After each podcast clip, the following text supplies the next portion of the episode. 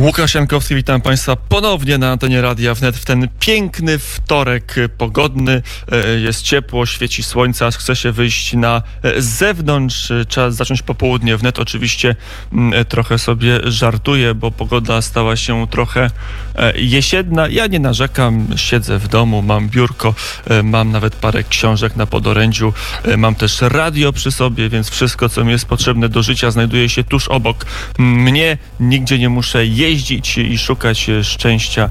E, gabinet, kominek, e, jesienna aura też mi pasuje. Chociaż dzieją się rzeczy ważne w polityce, bo kiedy ja do Państwa mówię, a Państwo mnie słuchają, mam nadzieję, to trwa na najwyższym szczycie Narada Polityczna, prawie najwyższym szczycie w Senacie, jak Izba Wyższa ma procedować nad zmianą ordynacji wyborczej, a dokładnie nad zmianą specustawy, która nam zorganizuje wybory prezydenckie. Nie mamy połączenia ani podsłuchu w Senacie, niestety niestety, a szkoda, przydałoby się, może kiedyś będziemy mieli, ale mamy dostęp do ważnych polityków Prawa i Sprawiedliwości, między innymi, nie tylko tej partii e, i od tego zacznijmy. Przy telefonie Marcin Chorała, wiceminister infrastruktury, e, poseł Prawa i Sprawiedliwości. Dzień dobry, panie ministrze. Dzień dobry, kłaniam się. No dobrze, to pan minister swego czasu był zaangażowany w pracę nad kodeksem wyborczym, teraz już jakby mniej, ale z tej perspektywy może pan ocenić zmagania polskiego rządu i państwa z wyborami prezydenckimi. Jaka jest ta ocena tych zmagań? Tu uderzyć sam w piersi, choć to oczywiście nie była moja decyzja tylko, że to, co pierwotnie planowaliśmy przy tamtej nowelizacji kodeksu wyborczego, czyli całkowite e, przekazanie, zabranie samorządom organizacji procesu wyborczego, wójtom, burmistrzom, prezydentom i stworzenie niezależnej, apolitycznej administracji wyborczej państwowej podległej Krajowemu Biuro Wyborczemu. No, że to był bardzo dobry pomysł. Gdybyśmy to wtedy wprowadzili faktycznie, to, e, to byśmy mieli znacznie mniej problemów. Teraz niestety, jak to często bywa w naszej formacji, zgrzeszyliśmy zbytnią wolą kompromisu i dogadywania się z opozycją i tak to zostało w ręku samorządów. No i w związku z tym samorządy, no i Senat, ale Senat tu będąc w prawie, natomiast samorządy już nie do końca zgodnie z prawem. Udało im się storpedować wybory w terminie konstytucyjnym. Teraz będą wybory w kolejnym, najszybszym możliwym terminie. Myślę, że już się odbędą. Główny cel tej akcji został osiągnięty, to znaczy Platforma podmieniła sobie kandydata na lepszego, więc chyba już tutaj nie powinno być obstrukcji. E, pan poseł nie śledzi, widać na bieżąco wystąpień Rafała Trzaskowskiego, prezydenta Warszawy Oj, i całkiem nowe Znów muszę się uderzyć piersi. Tak, to prawda. Nie e, każde wystąpienie medialne, a ma ich pan prezydent Trzaskowski e, od kilku dni e, w ramach kampanii, której jeszcze nie ma po kilka. Zaczyna od tego, że udało się zatrzymać niedemokratyczne wybory, które odebrały Polakom możliwość wyborów, że teraz te wybory będą lepsze, czerwcowe. W sumie dlaczego tak bardzo zależało Prawu i Sprawiedliwości na wyborach w maju, panie pośle? Powinno odbyć. W ogóle ta cała narracja, której może niektórzy już zapomnieli, jak mają krótką pamięć, ale to przecież jeszcze kilka dni temu właściwie, no kilkanaście, że PiS za wszelką cenę prze do wyborów, no to nie PiS. To nie było tak, że PiS się zebrał i sobie pomyślał, a może zrobimy 10 maja, a może 10 marca, a może tam 30 września. Tak po prostu wynikało z obowiązującego w Polsce prawa, z obowiązującego kalendarza wyborczego, z konstytucji wydawanych na podstawie tej konstytucji ustaw. To, więc to nie my parliśmy, tylko tak po prostu miało być. No to jakimś czymś wyjątkowo nadzwyczajnym jest to, że wybory się nie odbyły, ale no, w tych trudnych warunkach pandemii wraz z sabotażem ze strony samorządów, a samorządy właściwie odgrywają kluczową rolę w przygotowaniu wyborów od strony technicznej, no i obstrukcją Senatu, to wszystko naraz, to już było za dużo i niestety wyborów nie udało się zorganizować, a mnie tylko w zadumę wprawia w ogóle ta formuła, że wybory są, nie, że to, że odbywają się wybory, to to jest zagrożenie dla demokracji. Zalibóg zawsze mi się wydawało, że demokracja właśnie polega na tym, że odbywają się wybory, a nie na tym, że się nie odbywają, no ale tu. Ale wydaje mi się, że pan minister y, taktownie stara się pominąć pewien fakt. To jest fakt nowelizacji, fakt stanowiska polityków porozumienia, bo to gdyby nie było tej grupy i nie było stanowiska pana mm, premiera byłego już Jarosława Gowina, to wybory pewnie odbyłyby się w maju albo 10, albo w innym majowym terminie. Mm, tutaj była deklaracja, że one się nie mogą w, tej format, w tym formacie odbyć. Teraz mamy format mieszany. Wracają lokale wyborcze jako podstawowy wybór do głosowania. To lepiej czy gorzej, panie pośle? Ja generalnie rzecz biorąc nie jestem delikatnie mówiąc entuzjastą korespondencyjnego trybu wyborów. Uważam to za tryb zły, wadliwy, obarczony wadami. E, natomiast no, godziłem się z tym, że w tych szczególnych warunkach epidemicznych, na zasadzie pewnego wyjątku, właśnie sytuacji nadzwyczajnej, można wybory w tym trybie odbyć. W przeciwieństwie znów do opozycji, która wtedy, kiedy nie było epidemii, mówiła, że wybory korespondencyjne to jest wręcz kwintesencja demokracji i wszyscy powinni tak głosować, wtedy, kiedy nie było jakichś szczególnych okoliczności, które by do tego zmuszały. A teraz, kiedy były, no to nagle się okazało, że wybory korespondencyjne to jest zagrożenie dla demokracji. Osobiście, jak już te wybory się odbywają w innym terminie, bo to bardzo źle uważam, że najlepiej jakby się odbyły 10 czy maksymalnie 23 maja.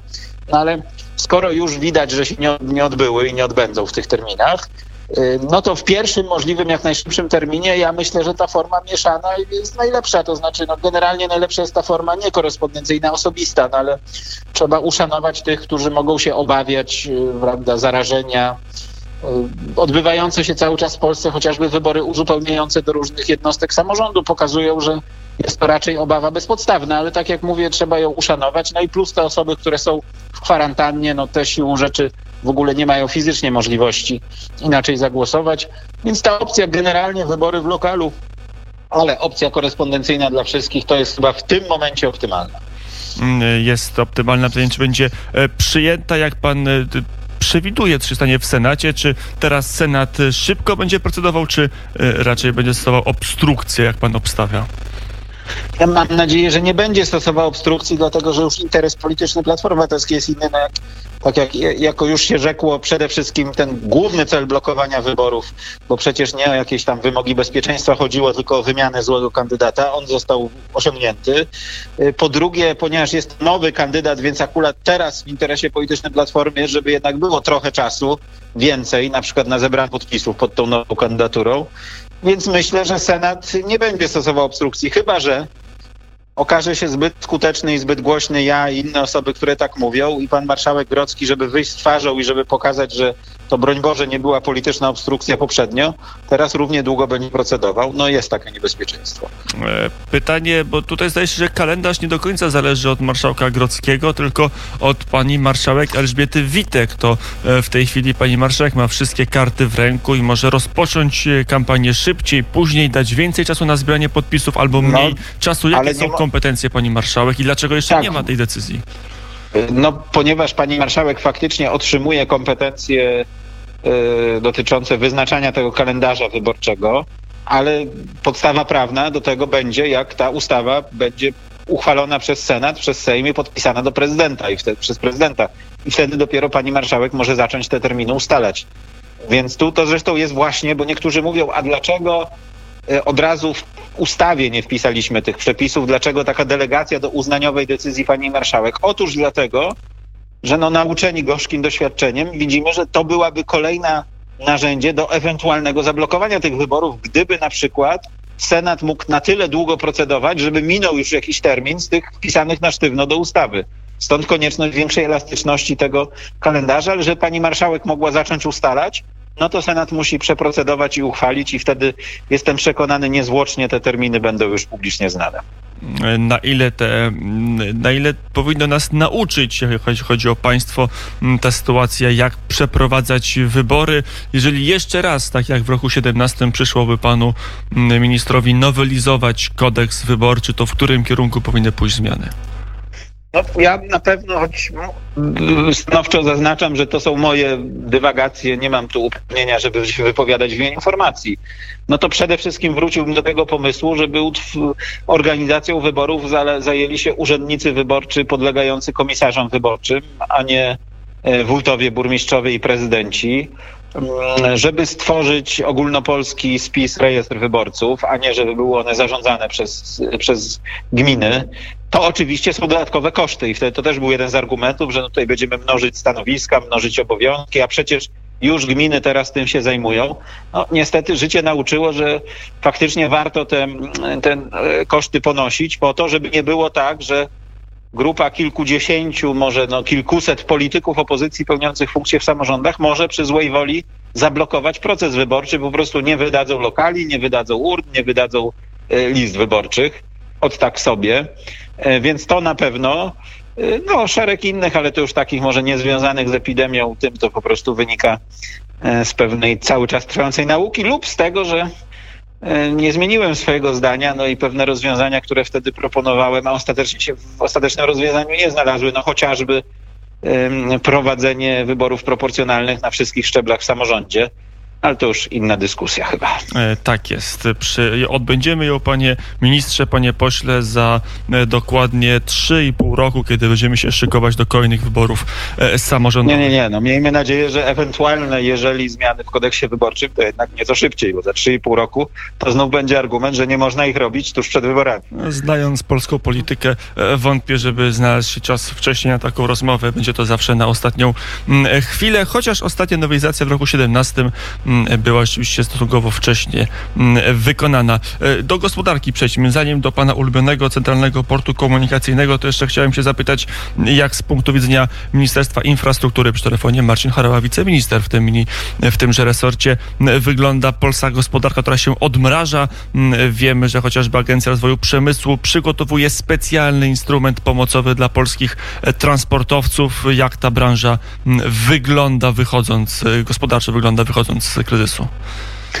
Branża transportowa generalnie wygląda tak jak i reszta gospodarki, tylko bardziej, bo to jest jedna z branż, które tak są bezpośrednio bardzo mocno e, dotknięte e, tym kryzysem koronawirusowym. No, były takie całe tygodnie, gdzie można powiedzieć prawie, że pewne rodzaje komunikacji w ogóle zamarły, na przykład zakaz lotów, który obowiązuje do teraz. Właśnie przygotowujemy się do pierwszego etapu odmrażania tego zakazu, czyli dopuszczenia lotów krajowych. Pewnie będzie to miało miejsce z początkiem czerwca. W innych no, przewozy pasażerskie chociażby, no teoretycznie one nie były zamrożone, czy, czy, czy nie było zakazu przewozów pasażerskich, ale w praktyce ten ruch pasażerski zmarł nieraz o 90 ponad procent. Przewozy towarowe, co ciekawe, całkiem się ładnie utrzymały, nawet w niektórych kategoriach towarów nawet wzrosły. Ale niemniej cała branża poniosła duże straty i niewątpliwie będzie wymagała różnych instrumentów wsparcia. E, kończymy też pracę na przykład nad rozporządzeniem Rady Ministrów wskazującej na lotniska użytku publicznego, które będą miały prawo do dotacji z budżetu państwa no, pokrywającej część kosztów funkcjonowania w sytuacji, gdy były administracyjnie e, zamknięte. Ale też to zawsze jest takie, no, bo obiektywnie rzecz biorąc, polska gospodarka ma się bardzo dobrze i bardzo dobrze przechodzi przez ten kryzys. Ale to bardzo łatwo teraz, jak, jak coś takiego przedstawiciel rządu mówi, to zderzyć go z jakimś oburzonym przedsiębiorcą czy pracownikiem właśnie zwolnionym z firmą, która upada, bo oczywiście Panie to wszystko są kwestie ministrze, względne. nie będę pana zderzał z oburzonym przedsiębiorcą albo zwolnionym pracownikiem, ja pana zderzę z danymi. E, myśmy od 30 lat nie mieli recesji, w tym roku będzie z PKB się zwijać w tempie 4, pewnie 4,5%. No i, no, i, no, i, no i tu właśnie mówię o tej względności, bo oczywiście tak głęboki kryzys nie może przejść w sposób niezauważony. No nie będzie tak, żeby właśnie gospodarka go nie zauważyła. On musi się odbić na gospodarce. Możemy tylko się względnie porównywać z innymi państwami, z innymi krajami. No i tu ta sama ta kwota, którą pan e, redaktor podaje, te 4%, 4,3% recesji, to jest z prognozy Komisji Europejskiej. Jednocześnie jest to najniższa recesja spośród wszystkich państw Unii Europejskiej. Polska jest na pierwszym miejscu jako to, które zdaniem Komisji Europejskiej stosunkowo najlepiej przejdzie ten okres ale oczywiście nie znaczy to, że zupełnie bez strat. No, strat niestety uniknąć się nie da całkowicie. Będą one stosunkowo najmniejsze w Europie. Czesi, Słowacy, Węgrzy, Litwini, Estończycy, Łotysze odczuwali recesję w roku 2009-2010. Niektórzy jeszcze e, przez dwa lata, więc zdają się, pamiętają co to recesja. My w Polsce taki, tego nie pamiętamy. Pamiętamy bardzo mocne wyhamowanie gospodarki, ale to e, nie była recesja, stąd te nastroje mogą być e, bardziej wybuchowe. Przeszedłbym na koniec naszej rozmowy do kwestii rynku lotniczego, y, bo powiedział pan minister, że będzie jakaś ustawa, która pomoże lotniskom y, w, w, w pokryciu kosztów w czasie, kiedy musiały funkcjonować jako tako, musiały być zabezpieczone, a nie nic nie latało. Y, czy to będzie tak, że po prostu państwo dacie pieniądze lotniskom, czy będą jakieś zmiany własnościowe, jak to będzie wyglądać? Ta ustawa obecnie już jest, to w tarczy 2 został zawarty mechanizm dotacji do, do lotnisk pokrycia kosztów funkcjonowania lotnisk użytku publicznego. Kolejnym etapem jest rozporządzenie Rady Ministrów, które wskaże no, listę tych lotnisk, które są uprawnione do takiej dotacji. Lada moment skończymy na tym pracę. Pierwotnie raczej myśleliśmy o tym, żeby to była pewna ograniczona liczba lotnisk. Z czasem z różnych względów społecznych, ekonomicznych to ewoluuje w kierunku, żeby raczej więcej niż mniej lotnisk było e, tym mechanizmem objęte. No i na to jest w tym roku 142 e, miliony złotych e, zarezerwowane pomiędzy te lotniska zostanie e, podzielone. Poza tym kolejną, no, te wszystkie mechanizmy, które w kolejnych tarczach, łącznie z tą tarczą finansową zarządzaną przez Polski Fundusz Rozwoju są, no to również lotniska są firmami, które oczywiście poniosły straty, spadły im przychody, więc do tych różnych form pomocy są jak najbardziej uprawnione. A kto jest takich lotnisk właścicielem? A to bardzo różnie. E, państwowym lotniskiem jest port lotniczy Chopina na Okęciu, zarządzany przez polskie porty lotnicze, podobnie lotnisko w Zielonej Górze, no i budowane lotnisko w Radomiu, no ale to akurat e, nie odnotowało spadku liczby lotów, bo się dopiero buduje i żadnych lotów nie ma. Pozostałe lotniska są przede wszystkim samorządowe. To w różnych proporcjach, w różnych udziałach E, różne z nich, ale są albo to samorządy miejskie, albo samorządy wojewódzkie, sejmiki wojewódzkie mają większościowe udziały w tych lotniskach. No, można by teoretycznie przynajmniej oczekiwać, że to głównie większościowy udziałowiec powinien poczuć się do odpowiedzialności i wesprzeć swoją firmę.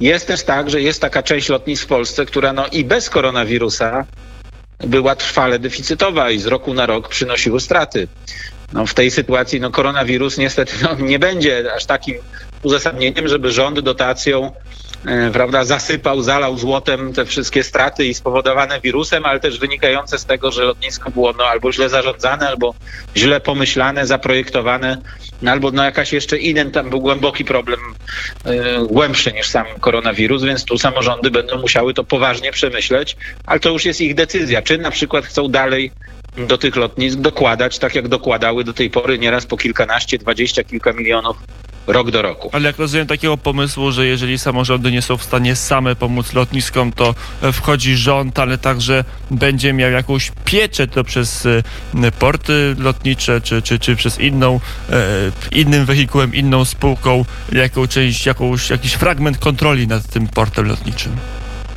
no, poprzez przejęcie udziału w kapitale. My jesteśmy otwarci na takie rozmowy, ale to już są takie rozmowy indywidualne, to e, musieliby przede wszystkim udziałowcy być zainteresowani. Oczywiście ze strony rządu też niekoniecznie każdym lotniskiem będzie też zainteresowanie. To ja natomiast jeżeli oczywiście ono wpisuje się dobrze w strategię transportową kraju, jeżeli jest dobrze prowadzone, jeżeli ma swój plan generalny, bo to na przykład jest ustawowy obowiązek, żeby każde lotnictwo miało zatwierdzony przez Ministerstwo Infrastruktury plan generalny mówiący jakby o pewnym, no jak ono ma się rozwijać, jak się ma wpisywać system transportowy, a są niestety takie lotniska w Polsce, które już pięć lat temu taki plan powinny mieć, a nie mają do tej pory.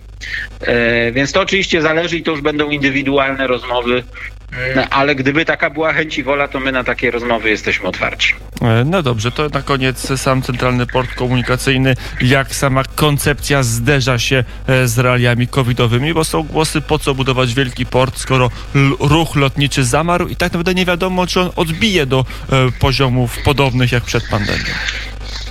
Ja oczywiście zamarł, ale oczywiście jest to sytuacja no, przejściowa siłą rzeczy. Można dyskutować, jak długo ona potrwa. E, tu ja widziałem różne głosy specjalistów, analizy, ekspertyzy, ale właśnie nie widziałem takiej, który by przewidywał, że ten kryzys w ruchu lotniczym potrwa, nawet nie kryzys, ale odbudowanie poziomu ruchu lotniczego potrwa dłużej niż 2-3 lata. Tak naprawdę, tu można powiedzieć paradoksalnie, ten moment załamania kupuje nam trochę czasu, bo CPK, które de facto jest inwestycją opóźnioną, znaczy ja uważam, że e, to rząd Platformy Obywatelskiej gdzieś około roku 2010-2011 powinien podjąć tę decyzję, tak żebyśmy lada moment już ten port otwierali tak, moim zdaniem, tak, tak wynika z potrzeb rozwoju ruchu lotniczego w Polsce, no to tutaj ten kryzys nam to przesunie w fazie o kilka lat. Spowoduje, że w tym roku 27 to faktycznie nie będzie już parę lat po, po terminie, tylko można powiedzieć sam raz. E, ale chyba nikt przy zdrowych zmysłach nie twierdzi, że ten kryzys jest trwały, że to już tak będzie, że to już tak będzie wyglądało jak teraz, kiedy szaleje koronawirus. Raczej jest inaczej. Historycznie różne zdarzenia powodowały czasem takie zaburzenia ruchu lotniczego. Od epidemii świńskiej grypy po e, erupcję wulkanu na Islandii i zawsze potem ten ruch się odbudowywał, bo to nie jest czynnik strukturalnie wpływający, to jest czynnik zewnętrzny, który istnieje, a potem za jakiś czas już oddziałuje coraz słabiej. E, na ile budowa CPK może być kołem zamachowym dla innych działów polskiej gospodarki? Na ile będzie przyspieszać niektóre działania inwestycyjne, żeby się wstrzelić w to okienko e, i tańszej i trochę siły roboczej i być może e, tańszej energii to na pewno, ale też tańszych produktów? No, staramy się jak możemy, to stąd paradoksalnie to przyspieszenie nas troszeczkę spowolniło. To znaczy na przykład gotowy już wieloletni plan finansowy, który lada moment miał być przyjęty przez rząd, cofnęliśmy do analizy i pewnego przeprojektowania, tak żeby właśnie poszukać takich tak zwanych quick win, szybkich zwycięstw, tych takich elementów, które można szybciej uruchomić, żeby już bezpośrednio przekładać się na rzeczywistość gospodarczą z tym naszym procesem inwestycyjnym. E, cały projekt Centralnego Portu Komunikacyjnego, co to przecież nie lotnisko, to również jest e, sieć połączeń kolejowych, inwestycje drogowe, czy wreszcie później zagospodarowanie tego terenu miasteczka Airport City, e, jak to mawiają branży, wokół lotniska, no to będzie miało gigantyczny wpływ na gospodarkę. Takie ostrożne analizy mówią na przykład o 150 tysiącach nowych miejsc pracy.